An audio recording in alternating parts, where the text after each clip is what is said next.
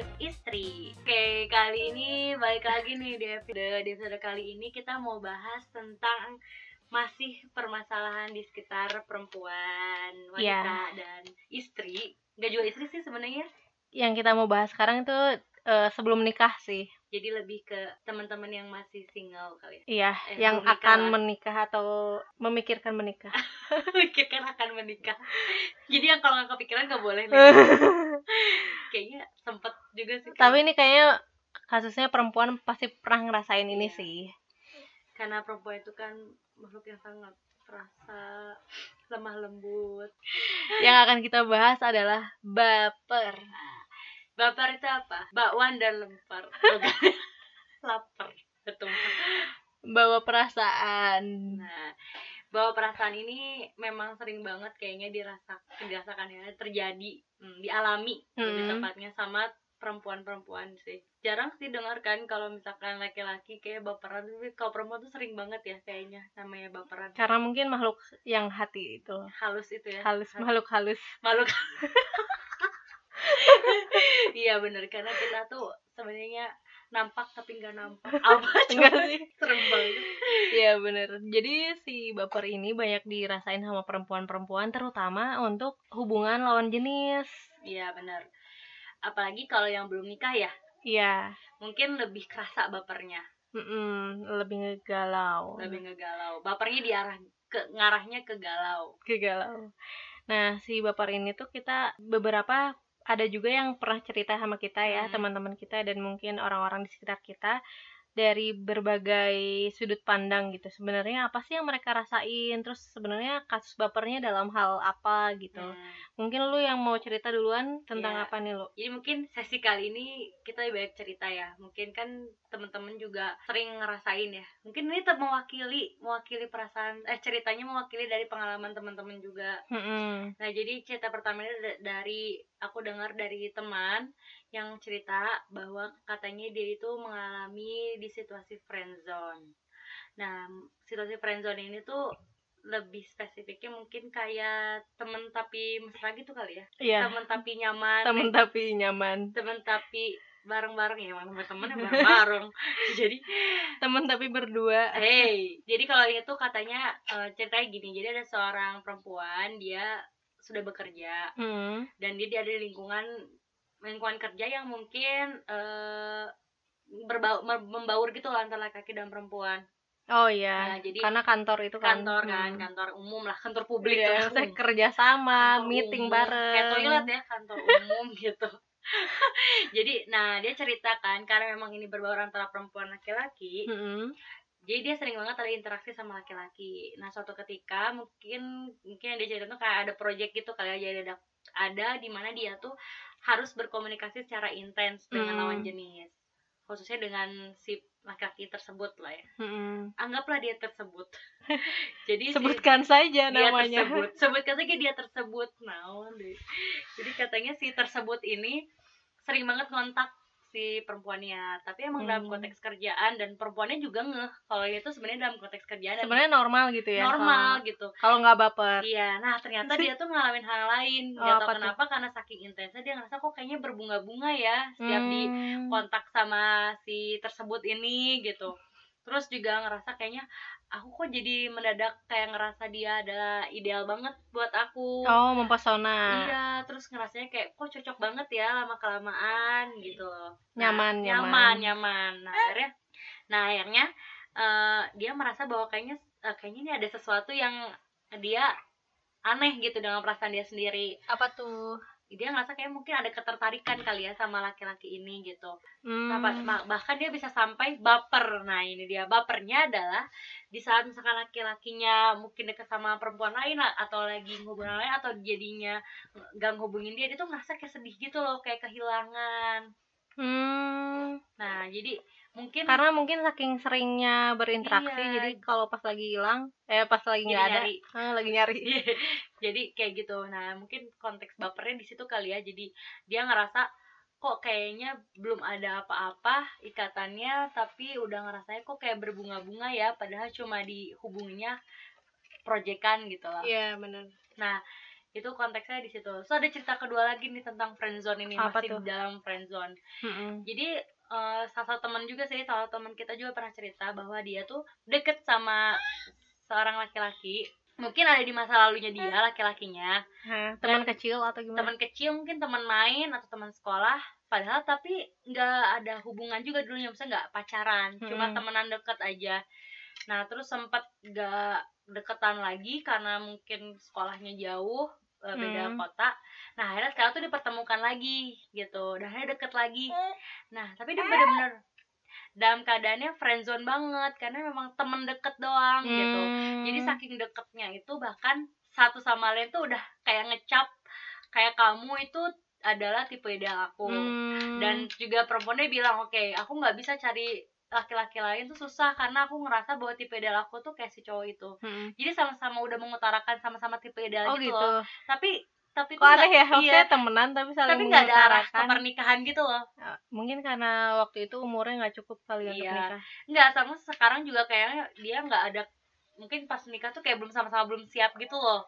Oh iya iya Iya, jadi cuma ya sebatas friendzone. Nah, tapi lama. Tapi lama. Dan bapernya itu adalah jadi kebawa perasaan dua-duanya. oh Jadi sama-sama udah ngecap tipe ideal, mm-mm. tapi nggak tahu arah arah hubungannya mau ke mana gitu.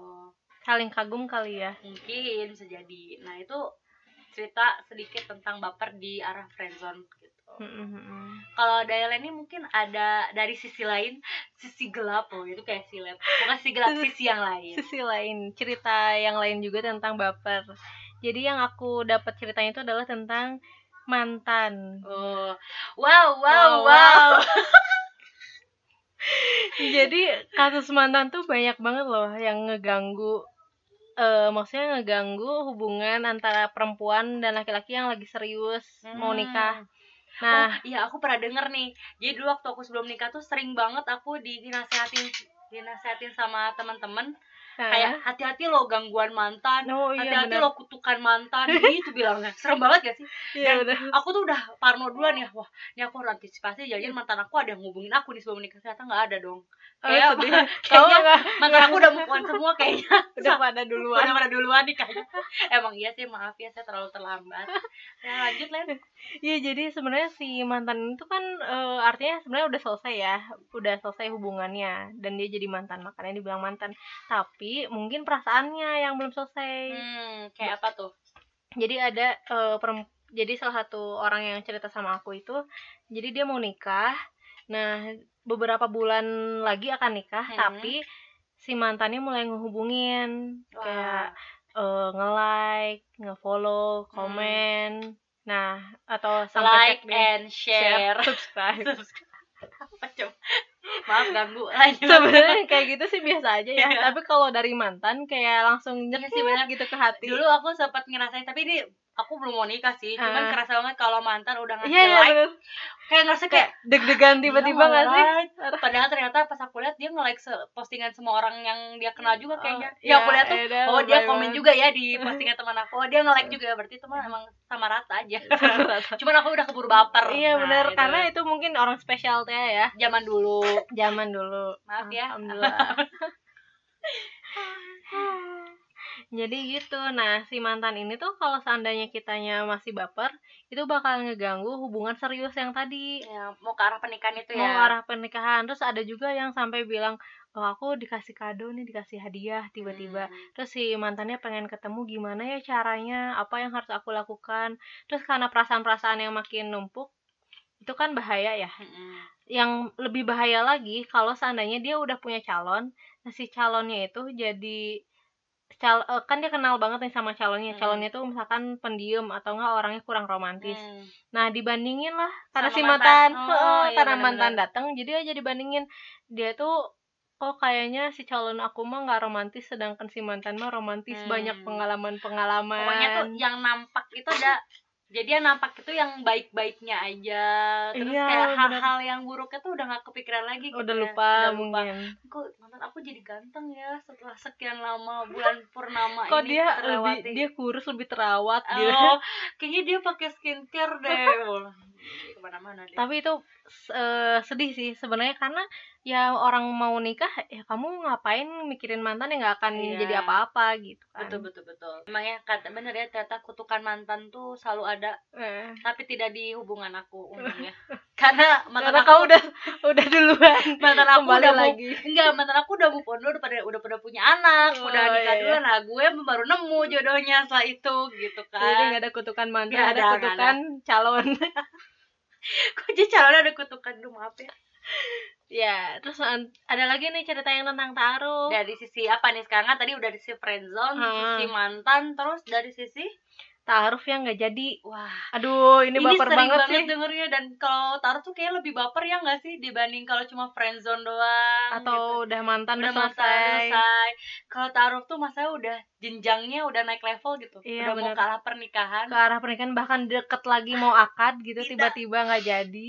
Udah lamaran udah tunangan udah hitbah. Aduh. Aku tuh aku tuh gak bisa bayangin gitu betapa sedihnya hal ini iya bisa Pia Oh iya makasih Pia atas perhatian Astagfirullah. Jadi ini tuh sering banget terjadi di Hmm, teman-teman kita lah ya. Bukan teman-teman sih mungkin di lingkungan kita. Iya. Entah itu teman atau enggak ya. Cuma kita suka kepo aja itu kenapa tuh? Oh dia gagal nikah. Gagal taruhnya nggak jadi. Oh gitu. Terus kalau nggak aduh itu kepo banget. Jangan ditiru. Jangan ditiru. Karena kita berdua ini orangnya sosial sosialis banget. Jadi kepo is care. keep is scared itu kan itu kan bagian dari Hmm. pertanyaan yang akan timbul ketika kamu menyayangi seseorang. Iya, oh, iya. deh, pembelaan. Malah kenal juga enggak. Enggak. Bener-bener jadi sebenarnya taaruf ini tuh karena memang sekali lagi lagi hits ya zaman taaruf ini. Kayak banyak banget. Mungkin banyak yang hijrah juga Banyak sih ya hijrah jadi aja. jadi memang banyak banget eh, yang mengambil arah yang lebih baik kan untuk ke jenjang pernikahan Iya. itu dengan cara taaruf. Mm-mm. Nah, tapi ternyata ada banyak orang yang salah tangkap nih dengan taruh itu sendiri. Mungkin dikiranya taruh itu kayak cuma oke kenalan aja secara syar'i lah gitu. Bisa kenalan secara syar'i, Hmm. tukar tukeran CV selesai. Padahal di dalamnya tuh super detail banget kan, lebih-lebih detail dibanding orang yang pacaran sebenarnya ya nggak sih? Mm. Pokoknya sampai seluk beluknya tuh jadi ketahuan kalau dipakai CV yang kayak gitu-gitu. Mm. Bahkan sampai ada izin orang tuanya juga dan lain-lain gitu Mm. Justru di situ tuh ujiannya karena memang caranya yang super detail dan caranya yang baik ya. Kalau itu kan saya kayak syari gitu menjaga banget kan. menjaga. Tapi Sehingga- malah jadi ada setan-setan di tengahnya iya gitu ya? banyak banget ujiannya ternyata di situ. Apalagi kalau sampai ada orang-orang yang mungkin salah tangkap dengan taruh ini atau mungkin belum terlalu paham kayak aku gitu kan dulu belum terlalu paham. Jadi ada yang ngajak taruh tuh malah takut gitu aduh gimana dong ini aja nggak taruh ini? Gimana gitu ya urusannya? Kayak gitu. Jadi ya ini dia cerita yang gagal taruh tuh kayak gimana? Nih kamu banyak cerita tentang taruh ini. Karena teman-temannya lain itu super duper banget lah kamu syar'i. juga kan sama temennya sepertemanan. Pertemanan jadi ceritanya adalah ada yang dia tuh emang niat taruh sama Hmm. perempuan. Maksudnya laki-laki sama perempuan niat taruh tapi karena taruh ini lumayan prosesnya yang tadi dibilang Hmm. panjang sampai ketemu beberapa kali saling kenal mengenal. Nah dia tuh udah nimbul perasaan kok kayaknya dia jodoh aku banget Gitu. Hmm. kok kayaknya mulai timbul rasa sayang atau enggak timbul rasa kayaknya dia adalah harapan aku terbesar untuk jadi suami kayak jadi ada harapan-harapan bahwa dia akan jadi jodoh kita dia akan jadi Hmm. suami kita jadi istri kita jadi setelah pas ternyata nggak jadi bukan jodoh kita malah jadi mikir-mikir kemarin dia orangnya kayak gini aku ngerasa sedih banget nangis-nangis sampai nggak bisa move on. Padahal baru taruh tapi udah sampai baper banget. Atau juga pas taruh itu pas udah tukeran CV CV CV ini ya taruhnya tuh kayak ngerasa cocok banget gitu loh. Hmm, jadi kayak dia adalah iya kayak- jawaban doa-doa gitu. jadi aku nggak sia-sia selama ini tahajud. Oh iya parah maaf Iya, ya. maksudnya nggak sia-sia gitu. Dia tuh udah kayak selama ini belajar gitu kan tentang parenting misalkan Hmm. tentang ilmu nikah gitu Iya. Eh, ketemu juga nih jodohnya yang pas Yang gitu kan yang ngerasanya sama-sama pas gitu kan. ngerasanya pas tapi ternyata tidak semudah itu Ferguson gitu kan melanjutkannya mungkin banyak Iya benar. hal rintangan dan termasuk adalah izin orang tua ini aku Hmm. baca postingan ini aku ada cerita juga sih sebenarnya sebelum itu ya sebelum bahas postingan aku dapat cerita juga nih dari salah satu teman juga bahwa dia udah taruhan lama Iya. Udah lama sih maksudnya udah taruhan Hmm. beberapa bulan proses taruhan sama seorang Ikhwan terus udah gitu laki-laki ya maksudnya seorang laki-laki dan dia merasa bahwa udah cocok banget nih kalau dari CV-nya nah Hmm. udah sampai pertemuan keluarga gitu tapi Mm-mm. ternyata pas udah pertemuan keluarga nih padahal tiba-tiba si Iwannya minta waktu oh. Ah, terus ternyata eh, pas udah di akhirnya tuh dikasih tahu bahwa belum dapat restu dari orang tuanya si Ivan yang Hmm, ngidam dan si yang tadi dibilang butuh waktu maksudnya ngegantungin ngegantungin si nggak ada perempuannya nggak ada berita apa apa nggak Oh. ngasih juga oh kayak itu nggak- parah banget iya sih. parah banget. Dan ini tuh udah pertemuan keluarga gitu Eh, konteksnya. Ada juga yang sebelum dia baru pengen taruh tapi lama ngegantungin Oh, iya, mau atau enggak gitu mau atau enggak lama. Jadi taruh ini eh, bukan masalah kapan tepatnya ya tapi jangan ngegantungin lah gitu maksudnya Mm-mm. direncanakan dengan sangat baik dan Mm. kalau bisa tuh buat ada timelinenya ya Iya, ada timeline dan teman-teman yang memang mau pakai jalan ta'aruf, kalau bisa dipelajari dulu nih ta'aruf yang baik itu seperti apa prosesnya. Biar nggak sama-sama ngegantungin, nggak sama-sama salah gitu di Hmm. perjalanannya gitu. Nah, ini sama kayak postingannya dari Teh Karina Hakman. Mungkin teman-teman yang dengerin juga ada yang tahu ya. Bisa Hmm. langsung dibuka aja di IG-nya. Judul di uh, feed-nya itu adalah jangan menggoda jangan menggodanya untuk jatuh cinta jika tidak berniat untuk menikahinya. Nah, hmm, banget Maksudnya ta'aruf mah bukan ajang coba-coba ya. Nah, itu itu tagline dari Teh Karina gitu kan. Seorang influencer yang juga mengerti banget ya kayak perasaan perempuan Iya, zaman iya. sekarang gitu kan. Nah, ini eh, bagus banget ya menurut aku di captionnya juga dia dia menceritakan bahwa memang ada salah satunya salah satu ikhwan yang memang seperti itu juga kayak cerita aku tadi Hmm. ada juga cerita kayak Leni bahkan ada juga dia cerita bahwa Ikhwannya ketika ditanya "Em, nanti kalau udah nikah mau tinggal di mana dijawabnya nggak tahu nanti Hmm. untuk eh, finansial nih masalah kayak nafkah mau cara dengan cara seperti apa masih nggak tahu juga. Belum punya belum punya maksudnya belum- pekerjaan gitu ya? Sebenarnya bukan pekerjaannya sih Len. Nggak apa-apa ya kalau belum punya pekerjaan tapi dia ada potensi untuk bekerja keras gitu loh. Dia udah tahu Ah. mau arahnya ke mana. Kayak rencana masa depan dia rencana harus masa tahu depannya ya? harus tahu gitu. Heeh. bukan hanya aku udah kerja nih udah sukses. Tapi kalau dia belum ada rencana ke depan ya sama aja kan stuck di iya situ juga. benar-benar.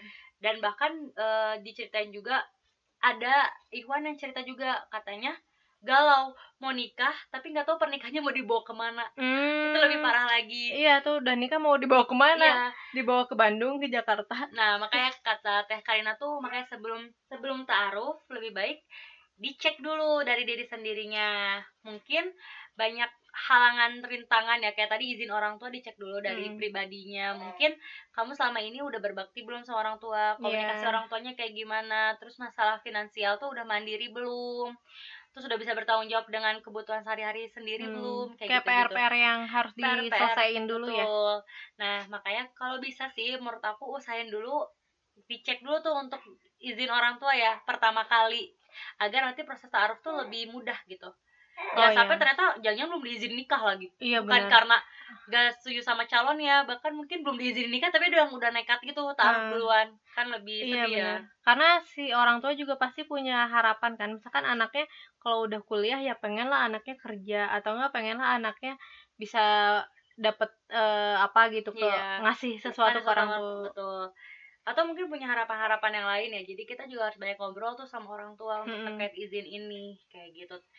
Bisa langsung dicek nih eh, di IG-nya Teh Harina Hakna Ya, intinya sih kalau seandainya mau taruh jangan bikin baper anak orang gitu ya. betul.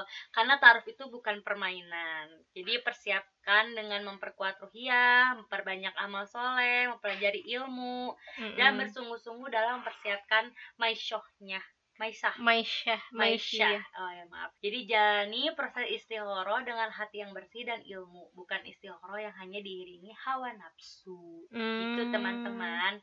Nah, Balik lagi Balik- ke bapernya tadi tuh bapaknya yang jadi bikin baper dari tadi banyak masalah tuh Hmm. adalah ternyata ada loh dampak dari baper itu. ya ada efeknya, Iya, efek ada dahsyat katanya bahkan. Di salah satu buku yang kita baca yaitu Jangan Jadi Akhwatnya Belin karyanya Vivi Amalia Anggreni. Oke. jadi ternyata dari baper itu ada efek dahsyatnya nih Len. Yang efek dahsyat dari baper tuh pertama adalah kita jadi mudah sensitif, Hmm. jadi mudah tersinggung gitu kan. Oh, Maksudnya diomongin eh tentang hal itu, tentang si mantan misalkan jadinya lebih keingetan jadi sedih Oh, sendiri Iya, bener. Mudah diri terus Bener. jadi korek-korek tanah terus jadi kita punya banyak prasangka gitu gak sih? Oh iya benar jadi menduga-duga. Iya benar menduga-duga. Apakah dia eh, akan kembali padaku? Selanjutnya setelah jadinya kita punya banyak prasangka nih terhadap si orang yang kita baperin gitu. Mm -mm. nah ternyata di surat al-fat ayat 12 12 itu dibilang dan setan telah menjadikan kamu memandang baik dalam hatimu. Persangkaan itu dan kamu telah menyangka dengan sangkaan yang buruk yang kamu menjadi binasa. jadi kaum yang binasa Mm-mm. jadi kan orang-orang yang punya prasangka itu kadang-kadang menduga-duga ya tanpa dia tahu ya itu benar atau enggak gitu Mm-mm. dia kayak belum kayak bi nggak bikin klarifikasi dulu kan tidak jadi belum tabayun lah istilahnya Iya benar. Jadi sebenarnya eh, kebalikan dari prasangka itu adalah kita harus mengtabayunkan atau mengkonfirmasi sebenarnya si orang itu maunya apa sih? Hmm. Dan katanya orang yang suka baperan itu ternyata memiliki ciri dari orang yang mempu- mempunyai hati yang lemah katanya Len. Hmm, oh iya, hati yang lemah itu yang tidak mampu meredam perasaan atas sikap orang lain terhadap kita. Jadi dia nggak mampu meredam perasaan. Dengan begitu, tentu kita akan mudah mengumpat dan mencari kesalahan orang lain atau mencari pembenaran. Oh iya benar-benar. Jadi kita harus memanage juga ya perasaan kita tuh kayak manage emosi balik lagi. Mm-mm. Jadi untuk biar kayak kalaupun kita sebenarnya nggak bisa nggak bisa dibilang wajar sih, cuman kita pasti lah pernah merasakan namanya perasaan baper itu ya. Iya, cuman kalau bisa kita bisa ngontrolnya gitu loh jadi jangan sampai bapernya tuh membuat kita tuh jadi kayak tidak sadarkan diri gitu loh jadi berlebihan lah iya berlebihan larut dalam kesedihan gitu ya, Betul. dalam kebaperan. Terus kalau seandainya kita punya ciri hati yang lemah, gimana tuh? Ya kebalikannya, berarti kita Hmm. harus punya hati yang kuat. wah jadi jadi gimana tuh hati yang kuat hati yang bisa angkat barbel mungkin ya hati yang kuat tuh yang punya prinsip mungkin ya jadi kalau seandainya kita udah niat mau nikah berarti kita harus lurusin tuh niat kita gitu emang benar mau nikah dan kalau seandainya ada orang-orang yang mengganggu janganlah jadi terpedaya atau tergoda. Ah betul. Ada kutipan yang bagus nih di akhir buku di awal buku ini jadikanlah hati laksana pedang yang siap dengan kilatan tajam. Ay, kuat banget tuh. Kilatan tajam kilatan ya. tajam. Karena mungkin karena banyak yang ini ya yang akan menerka kita gitu banyak Ya, yang menyerang karena kita. kan perasaan itu sebenarnya nggak bisa kita nggak bisa eh, kayak apa ya melarang si perasaan ini untuk mengekspresikan perasaan itu sendiri. Iya mau benar kecewa sedih bahagia senang gitu. Biasanya itu kan yang mengontrol itu adalah diri apa oh, pikiran kita sendiri kan yang Mm. ngontrol gimana perasaan itu bisa muncul gitu. Iya. Nggak sih? Dari pikiran lu baru ke hati atau dari hati lu ke pikiran ya lupa Eh, jadi kalau seandainya kita yang itu loh mengikuti hawa nafsu, kita Ah. mengikuti keinginan kita, apa yang hati kita omongin, maksudnya dalam hal negatif ya, Iya, kayak dibumbui sama setan-setan, ya kita akan terperdaya oleh hati itu sendiri. Tadi kan kita udah sebutin nih, eh, kita udah eh, kasih tahu ternyata di baper ini tuh ada efek dahsyatnya kan buat diri sendiri. Bahkan ada ayatnya juga yang menerangkan soal itu. Mm-mm. Nah, ternyata nih saat kita pikir-pikir lagi, ternyata kita lagi ada di situasi lagi baper nih, Len. Mm-mm. Terus kalau udah baper terus harus gimana? Sebenarnya kalau seandainya kita lagi baper, pasti penuh dengan perasaan-perasaan ya. Hmm. penuh dengan emosi-emosi. Jadi yang apa yang harus kita lakukan? Yang pertama itu yaitu menegaskan hubungan mau dibawa ke mana. Hmm. Apalagi yang lagi di di apa di hubungan friendzone tadi ya. Ya, Kayaknya lebih enak untuk menjelaskan sih, ya nggak sih kalau kan udah tau nih pertemanan terlalu dekat, jadi kita Hmm. bisa bisa tanya juga ke lawan jenisnya, ke teman kita. Ini sebenarnya mau dibawa ke mana ya arahnya? Hmm. Oke, kamu emang tipe ideal aku, aku tipe ideal kamu. Kalau kita sama-sama tipe ideal, lebih enaknya gimana kalau kita ke jenjang pernikahan? Ternyata ditolak ya, lebih baik kita jauhi atau Iya, bukan iya. jauhi sih, lebih enaknya membatasi mungkin ya dalam komunikasi. Begitu. mungkin Hmm. si tantangannya itu adalah karena kita ngerasa nyaman terus kayak nggak mau gitu, takut Hmm. ditolak gitu Terus kan. takut gak ada yang lain juga, gak ada Ah. lagi yang mau gitu. Jangan sampai kayak gitu sih ya. Iya, benar. Kalau mau sih tegas aja ya udah Tegas. tegasin. emang ini perlu latihan sih tegas itu aku Iya. pun juga kayaknya mm, dalam hal waktu dulu sebelum nikah tuh emang agak susah ya untuk menegaskan kayak Heeh. punya sifat tegas tuh bukan berarti kecentilan sih ya sebenarnya tapi lebih kayak nggak tega takut Oh, iya. Heeh. dan seperti terus itu nggak mau nggak ditolak mau ditolak Hmm. takut kehilangan nah itu kan emang perlu latihan dan juga nih buat temen-temen yang lagi mungkin ada di lingkungan organisasi lingkungan kerja terus banyak interaksi sama lawan jenis Hmm. juga bisa nih kita tegasin dari diri sendiri mungkin kita udah tahu kan oh ternyata eh, ternyata laki-laki itu nggak ada urusan ke arah pernikahan atau nggak ada hubungan Iya. serius sama kita. Ya lebih baik dari diri berarti itu mah emang ada yang salah dari diri kita. Maksudnya kita lurusin lagi ke perasaan kitanya oke? Hmm. eh, ini hanya sebatas teman sebatas lingkungan, lingkungan kerja gitu kan. Jadi lebih enak lah untuk menegaskannya. Jadi ke diri sendiri sih lebih enaknya.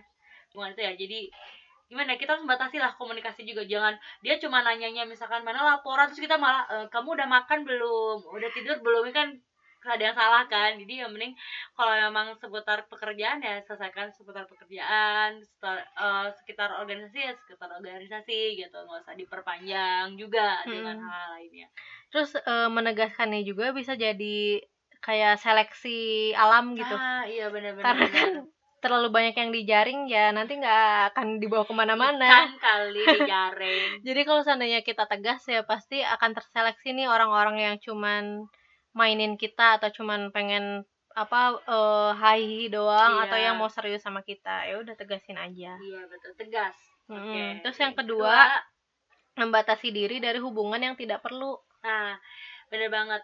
Ini sih lebih kayak yang tadi ya kalau ini yang friendzone juga bisa, yang mantan juga Yang bisa. mantan sih, Bener-bener mm. mantan lebih tepatnya. soalnya kan kalau mantan tuh kayaknya eh, mau balikin sus mau balikan susah mau lanjut juga Nggak, nggak jelas Kebalikan gak mau. Mm-mm.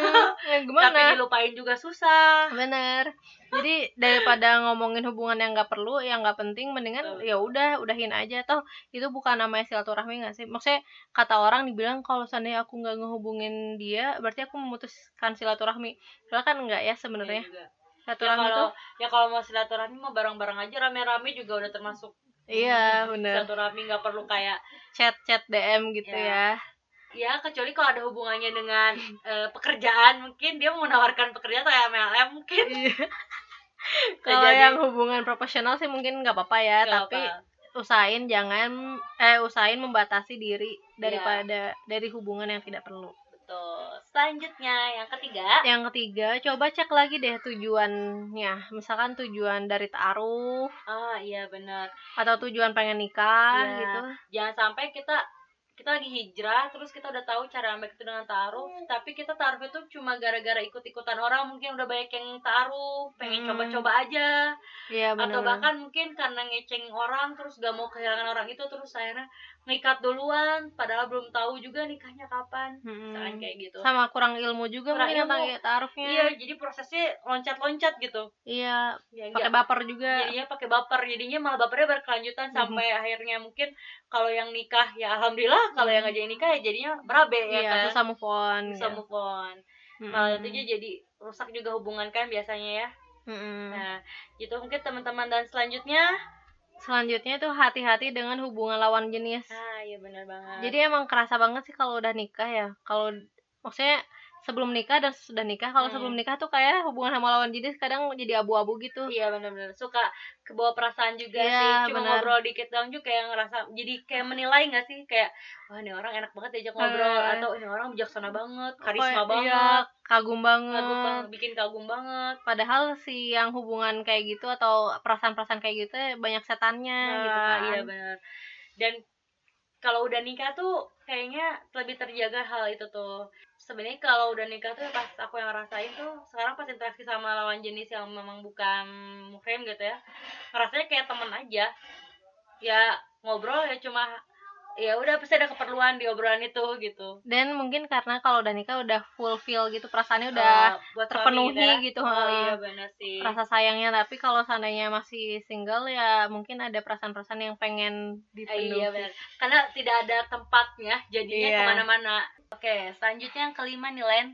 yang kelima itu coba kita cari kesibukan yang lain Nah, ini untuk biar bisa ngalihin pikiran juga ya nggak sih? iya benar karena kalau baper kan udah diselimuti emosi mendingan digerakin aja Ah. badannya Mungkin kalau yang seneng olahraga, jogging gitu ya. Yang iya se 24 jam jogging aja terus sampai lupa.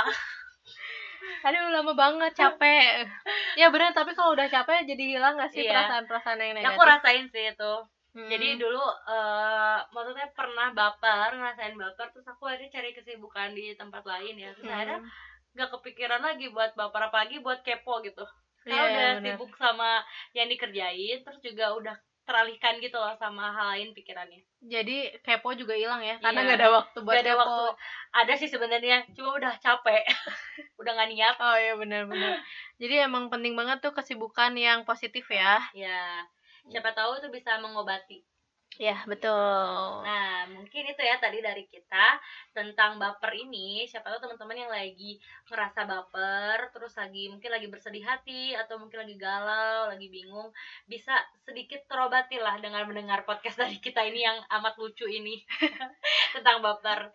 Yang pastinya eh, baper itu kita nggak salahin tentang bapernya ya, tapi Mm-mm. gimana kita bisa memanage rasa baper itu sendiri. Iya, dan semoga teman-teman terinspirasi dari obrolan kita ya. Iya, jangan lupa buat dengerin podcast kita terus di Positif istri. Sampai jumpa di episode selanjutnya. Dah. Assalamualaikum warahmatullahi wabarakatuh.